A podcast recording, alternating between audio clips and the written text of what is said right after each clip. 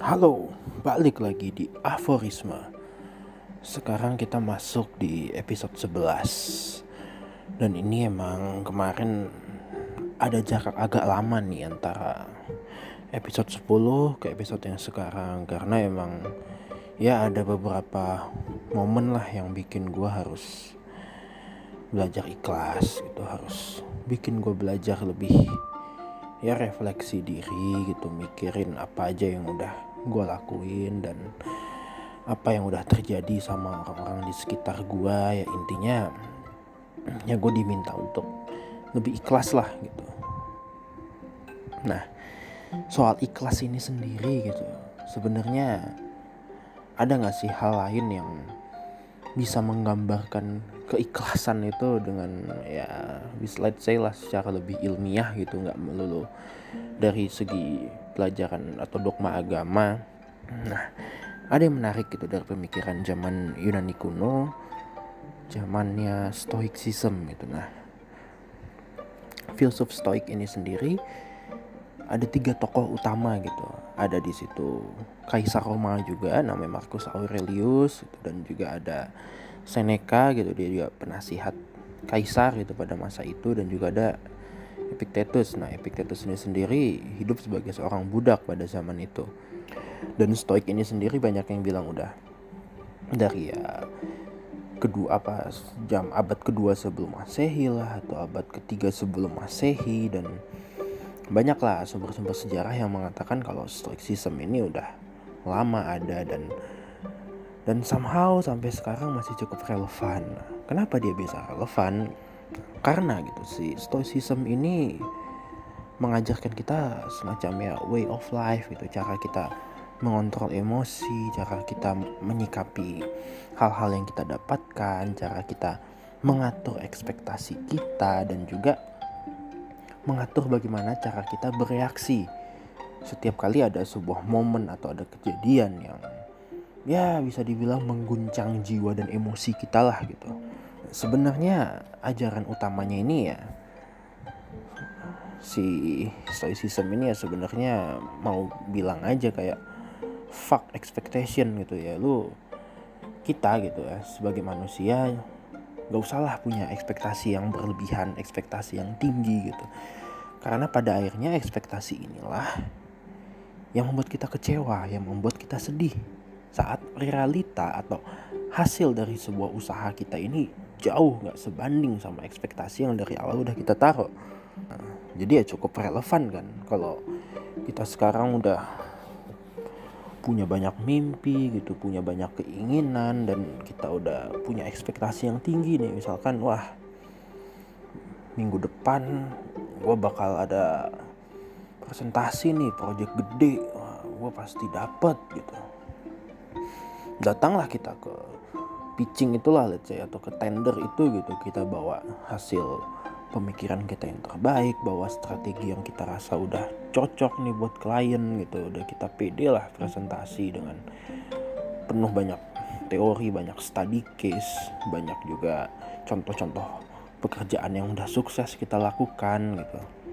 Sampai pada akhirnya saat pengumuman gitu ada satu minggu kemudian kita dapat email gitu ternyata si klien ini minta maaf belum bisa kerjasama sama kita buat sekarang gitu. Ya saat, saat ekspektasi kita udah tinggi kita udah membayangkan waduh ini dua bulan lagi gue bisa dapat duit segini nih bisa dapat proyekan baru lagi atau apa gitu. Tapi kan saat ekspektasi itu runtuh begitu aja di depan kita gitu ya pasti kecewa banget wajar kecewa gitu dan inilah yang hendak di kantor gitu masih stoicism ini gitu. Gimana gimana nih kalau pada awalnya udahlah kita nggak usah ngeset ekspektasi yang begitu tinggi gitu. Kita bilang aja kalau oke okay, gitu. Gue jalan ke sana gue tetap usaha gitu ya gue tetap ngasih yang terbaik. Cuman ya udah gue tahu diri aja gitu. Misalkan kita dapat kabar kalau yang ikut pitching atau tender ini ada let's say lah ada 10 atau sampai 20 perusahaan lain ya udah. Kita udah naruh ekspektasi kita di bawah ya udah. Gue paling nggak masuk cuman ya gue sikat aja gue coba gitu. Dan saat hasil yang sama keluar ya pasti kita nggak sekecewa itu karena ya kita udah ya ekspektasi apa-apa gitu. Kita udah bahkan udah ya dalam tanda kutip pesimis lah ya bisa dikatakan. Nah, tapi sebaliknya saat hasilnya berbalik gitu saat kita nggak ngeset ekspektasi apa-apa gitu tiba-tiba kita dapat job confirm ya kita pun nggak terlalu dalam euforia atau kita terlalu show off sana sini gitu. Dan kita tetap ya in in control lah gitu. Kita tahu oke okay, gue dapet nih kerjaan berarti sekarang yang harus gue lakuin A B C D gitu kan di lebih teratur gitu ya bahkan dalam kamus Inggris modern kata-kata stoik ini sendiri artinya sikap keteguhan mental dalam situasi apa pun nah jadi seseorang yang stoik ya menurut kamus bahasa Inggris modern ini adalah seseorang yang dapat tabah dan bisa berpikiran jernih dalam menghadapi persoalan. Ya, it's a good thing gitu kan. Dan kenapa gitu bisa dibilang stoik ini orang yang mentalnya tangguh, yang punya ketenangan, punya kesiapan gitu. Nah, karena dalam stoik itu sendiri prinsip utamanya adalah to harmonize, to be one with the nature gitu. Gimana kita sebagai manusia kita mengamini posisi kita ini ya sebagai bagian dari alam semesta gitu bayangin aja alam semesta yang sangat luas gitu. mungkin di zaman Yunani kuno baru tahu orang ada sistem itu baru ada bumi bulan dan matahari gitu. Nah apalagi sekarang gitu. Saat kita udah tahu bahkan galaksi Bima Sakti ini aja masih satu universe dari sekian banyak universe yang lainnya ada Andromeda dan lain-lainnya gitu. Ya kita semua cuma bagian kecil dari hal yang sangat luas dan kompleks tersebut. Dan si stoic dan aliran stoik ini mengajarkan kita kalau ya udah nih lu cuman ada di bagian kecil dari suatu sistem yang sangat besar dan non kompleks. Jadi ya udah lu cari cara gimana caranya kita bisa harmoni dengan alam kita bisa menyatu dengan fenomena-fenomena alam dan apa pun kejadian yang menimpa kita baik itu hal yang buruk ataupun hal yang menyenangkan ya udah itu bagian dari proses natural aja gitu. Itu udah udah kode semesta lah gitu dalam tanda kutip. Dan itu yang membuat si stoik ini adalah orang yang punya ketangguhan mental gitu. Karena apa pun yang terjadi sama dia emosi dia itu akan selalu seimbang.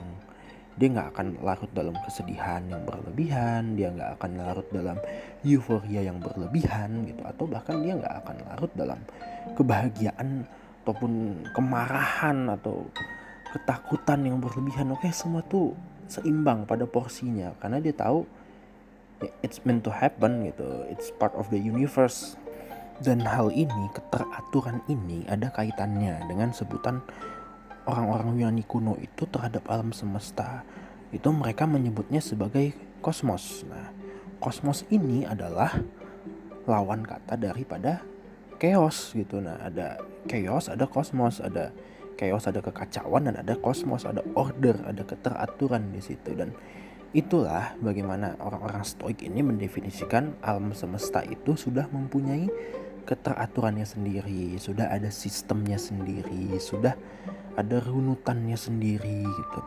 Nah jadi stoicism ini bisa bisa dianut nih ya dalam dalam tanda kutip itu oleh semua orang dari berbagai latar belakang sosial dan ekonomi nih. Tadi tiga orang tadi itu deh gitu. Ada Marcus Aurelius, ada Seneca sama Epictetus. Si Marcus Aurelius dia kaisar Romawi, punya kekuasaan yang amat sangat tinggi. Nah tapi dia juga percaya gitu sama si stoicism ini karena hal ini membantu pengambilan keputusan dia sebagai seorang kaisar bagaimana dia berbicara sebelum mengambil keputusan itu ada proses meditasi ada proses mencerna lah sekitarnya ada apa aja dan ada impact-impact apa aja yang bisa terjadi dengan keputusan yang dia ambil. Nah kan orang yang begitu powerful orang yang punya kekayaan banyak pun bisa menganut stoicism ini dan dan titik ekstrimnya gitu yang sebalikannya Epictetus dia itu seorang budak gitu ya. Zaman dulu apalah gitu budaya seorang budak gitu. Nah tapi dia pun menyadari gitu kalau dengan kondisi dia seperti itu dengan dia tidak larut dalam kesedihan, dalam kemarahan, keputusasaan dan ketakutan yang berlebihan gitu. Dia menerima perannya di dalam kosmos itu tadi.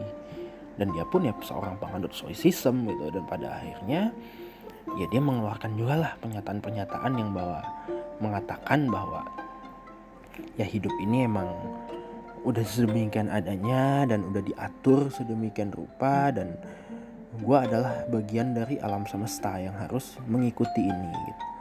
dan si Seneca dia itu ya on off lah gitu. Pernah jadi penasihat kaisar habis itu dia dipecat karena pergantian kekuasaan segala macem. Ya bisa dibilang si Seneca ini ya orang kelas menengah gitulah entah ngehe atau enggak ya gue nggak tahu gitu.